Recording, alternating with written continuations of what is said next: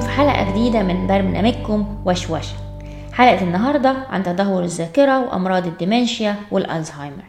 بما إن أنتم بتسمعوني دلوقتي فأنتم أكيد الحمد لله ما عندكمش ولا ديمنشيا ولا ألزهايمر. بس ما نقدرش ننكر إن إحنا كلنا بقينا نعاني بشكل أو بآخر من تدهور الذاكرة.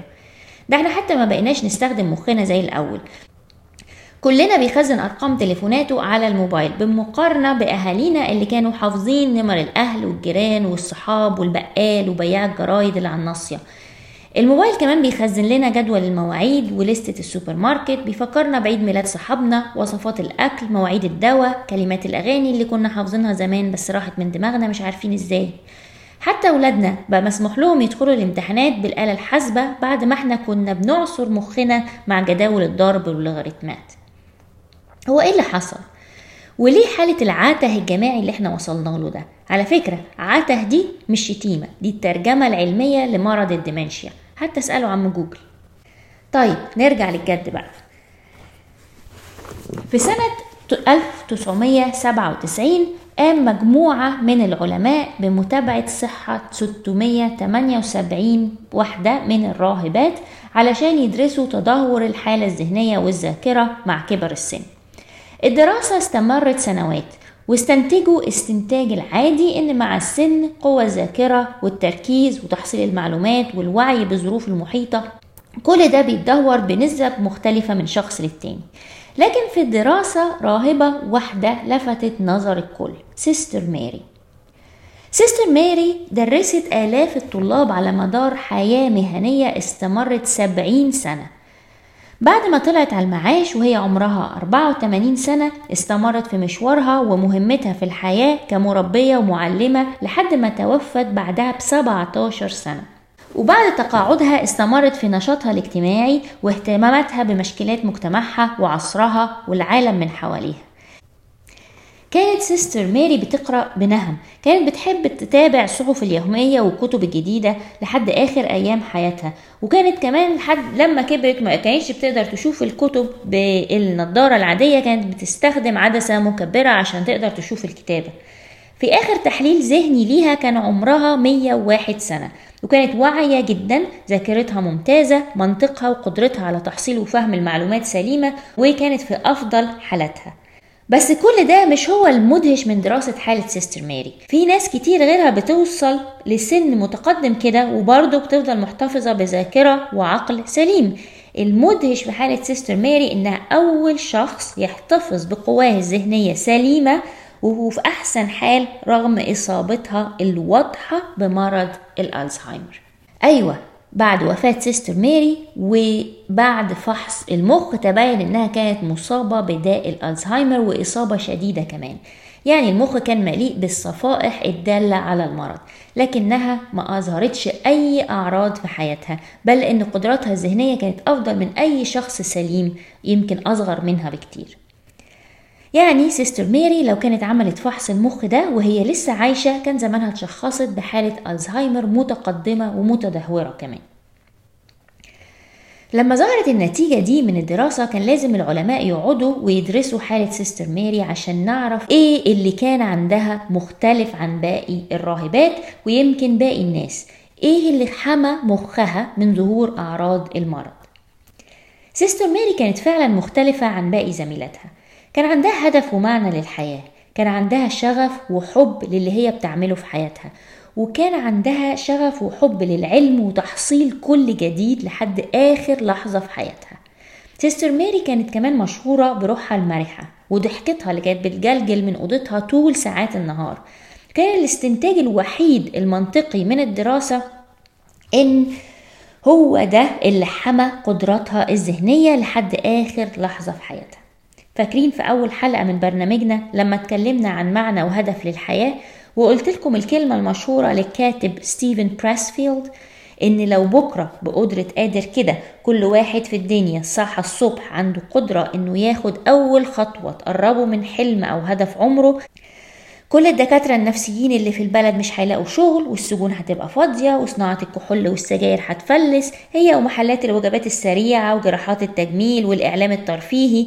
ناهيك عن شركات الأدوية والمستشفيات والدكاترة والعنف والخناقات المنزلية هينتهي. وكمان الإدمان والسمنة والصداع النصفي والغضب في الشوارع وحتى قشرة الشعر. أيوة ده كلام ستيفن براسفيلد. وساعتها قلنا إن فعلا دي حقيقة. الكلام ده مش كلام وخلاص وقصة سيستر ماري أكبر دليل على صحته وأكبر عنوان لأهم خطوة في طريقنا للصحة معنى للحياة. لما يكون لحياتي معنى وهدف وقيمة جسمنا بيقدر يقاوم أي أعراض وأهمها أعراض تدهور القدرات الذهنية.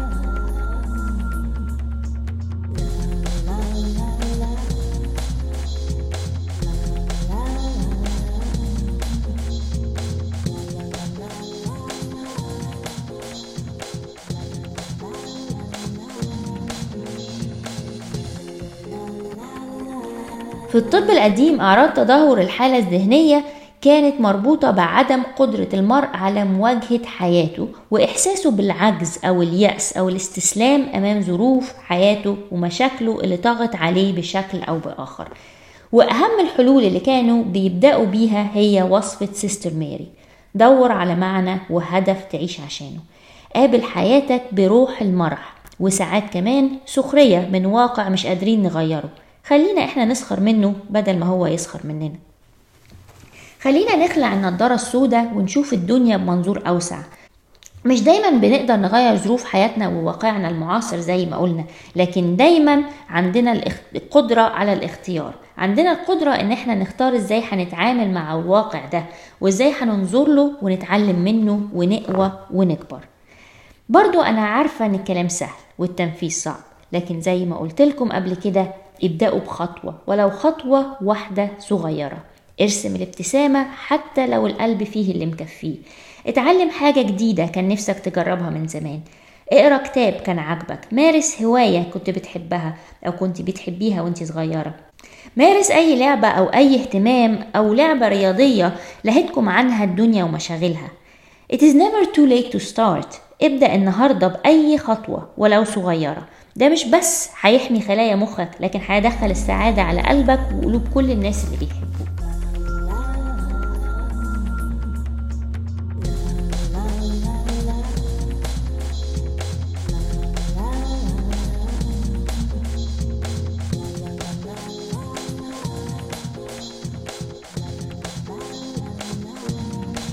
لو هنتكلم عن الأعشاب للصحة والقدرة الذهنية في أربع أعشاب أساسية عاوزة أكلمكم عليهم النهاردة.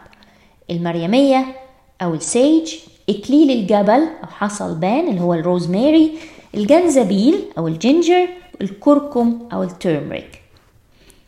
في برنامجنا ده إحنا هنتكلم عن الأعشاب اللي أقدر أستخدمها في مطبخي وحياتي اليومية.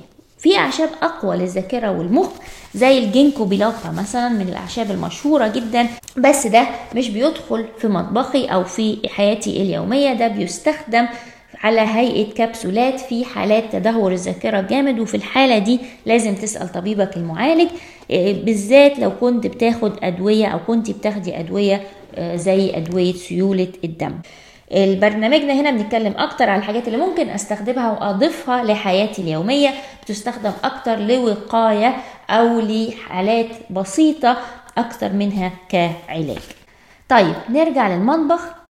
أول عشب قلناه هو السيج أو المريمية. المريمية من الأعشاب المعروفة من قديم الزمن لتأثيرها على قوة الذاكرة والقوة الذهنية. هي بتستخدم على هيئة شاي أو ممكن أحطها على بعض الوجبات الخفيفة. نفس الحكاية بالنسبة للروزماري أو حصى البان. هو من الأعشاب برضو المعروفة من آلاف السنين ومعروف بتأثيرها القوي على الذاكرة والقوة الذهنية واستخدم في الطب الهندي والطب الإسلامي من آلاف السنين لهذا الغرض. الروزماري ممكن يتاخد على هيئة شاي وإن طعمه بيبقى قوي شوية لكن ممكن يتحط على بيتزا ممكن يتبل باللحوم أو الدجاج ممكن يتحط في ال salad dressing أو ممكن يتحط مع الصلصات زي صلصات الباستا وغيرها. الجنزبيل أو ال ginger اتكلمنا عنه كتير في حلقات فاتت. الجنزبيل يعني يمكن من الأعشاب اللي مفيش حاجة ما بيعملهاش. وزي ما قلنا هو anti-inflammatory أو مضاد للالتهاب قوي جدا. وده من أحد الحاجات اللي لقوها أسباب من الأسباب القوية لمرض ال dementia والألزهايمر هو التهاب في الأوعية الدموية في المخ. فال ginger بيساعد على تقليل ال inflammation دي وبيحسن الذاكرة وبيحسن وصول الدم لخلايا المخ. الكركم أو ال turmeric بيدخل في كتير جدا من الأكل الهندي زي الكاري والرز وغيره وهو مشهور جدا في الطب الهندي. الكركم من الأعشاب برضو ال anti-inflammatory أو مضاد للالتهاب مضاد لل cancer وبيحسن قدرة الجسم على التخلص من السموم. وثبت علميا كمان إن إضافة زيت جوز الهند لطعام مرضى الألزهايمر بيحسن كتير جدا من حالتهم الذهنية وفي بعض الحالات كمان بيستعيد جزء من الذاكرة والنشاط الذهني.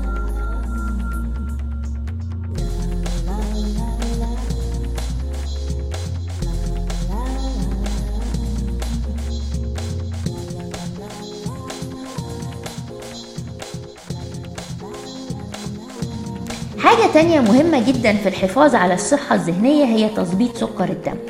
في بعض النظريات بتصنف مرض الألزهايمر على إنه النوع الثالث من مرض السكري أو ال diabetes وده لسبب عدم قدرة خلايا المخ إنها تستخدم السكر efficiently بطريقة فعالة وده بيسبب التهاب في خلايا المخ وبيسبب الضعف في الذاكرة والأعراض المختلفة لأنها مش قادرة تستخدم السكر لإنتاج الطاقة اللي هي محتاجاها لأنها تقوم بوظيفتها الطبيعية.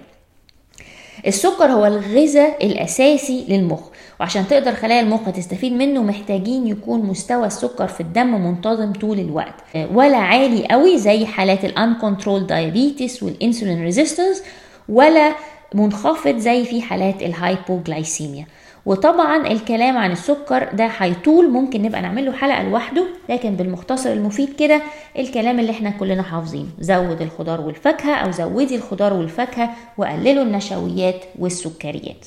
نقص B vitamins وبالذات فيتامين B12 هو أحد العوامل الأساسية برضو اللي ممكن تسبب ال dementia ومشاكل الذاكرة. إزاي أعرف إن أنا عندي نقص في فيتامين بي 12 لو عندك أعراض تانية زي تقلبات المزاج ضيق التنفس أو shortness of breath تنميل الأطراف وانقباض العضلات. لو عندنا حالة إرهاق دايما إحساس بالضعف العام فيتامين بي 12 بينقص عند الناس اللي ما بتاكلش لحوم أو منتجات حيوانية بكمية كافية بالذات في حالات ال vegetarian وال vegans ومع كبر السن لأن امتصاصه بيتأثر لما بنكبر. كمان لو كنت بتاخد أدوية حموضة ولو كنت بتاخد بعض أدوية السكر أو بتعاني من أمراض التهاب الجهاز الهضمي دي أمراض ممكن تأثر على قدرة الجسم على امتصاص فيتامين B12 من الأكل. فيتامين B12 موجود في الأطعمة اللي من مصدر حيواني زي اللحوم والكبدة والقلب والكلاوي والحاجات الكتير اللي إحنا ما بقناش ناكلها دي. بس برضو too much of the good thing is not always better. كل شيء بالمعقول. لو انت شاكك ان عندك نقص فيتامين بي 12 ممكن تطلب من طبيبك المعالج ان انت تعمل تحليل علشان تتأكد. وفي الحالة دي ممكن تدخل supplements للفيتامين بي 12 لو انت فعلا عندك نقص.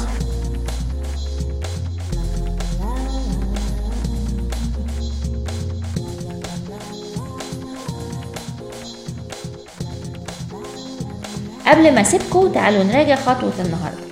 فكر أو فكري تاني بمعنى أو هدف اللي أنت أو انتي عايشة عشانه. معلش استحملوني أنا بعيد نفس ده كل مرة علشان أهميتها. الهدف أو المعنى للحياة من أهم الحاجات للصحة الجسدية والعقلية والنفسية. مارسوا هواية جديدة أو ارسم ابتسامة على شفايفك حتى لو القلب ملياه هموم. بالبسمة القلب هيلاقي حاجة تفرحه وهيشوف النور حتى لو هو في نفق ضلمة. اتعلموا حاجة جديدة كل يوم اخرج وقابل الناس شارك في مجتمعك احفظ أرقام تليفونات صحابك أو صحابك حاولوا تقللوا اعتمادكم على ذاكرة التليفون وبدلها خلونا نستخدم الذاكرة بتاعتنا اللي ما بقيناش نستخدمها كتير. قابل أو قابلوا حياتكم بخفة ومرح. خلونا نضحك ونبتسم أكتر ونشوف مشاكلنا من منظور أخف شوية من النضارة السوداء اللي بنلبسها كتير الأيام دي. وفي المطبخ تعالوا نستخدم شاي المريمية بدل القهوة تبلوا الفراخ أو السمك أو ال stir fry بال rosemary وخلونا نستخدم ال ginger في الشاي أو البسكوت أو تتبيل اللحمة. جربوا أكلة هندي الأسبوع ده بالكركم وكمان ممكن تجرب تطبخ بزيت جوز الهند بدل السمنة أو الزيت. وأهم حاجة راقبوا كمية السكر اللي بناخدها في أكلنا. أشوفكم الأسبوع الجاي مع وشوشة.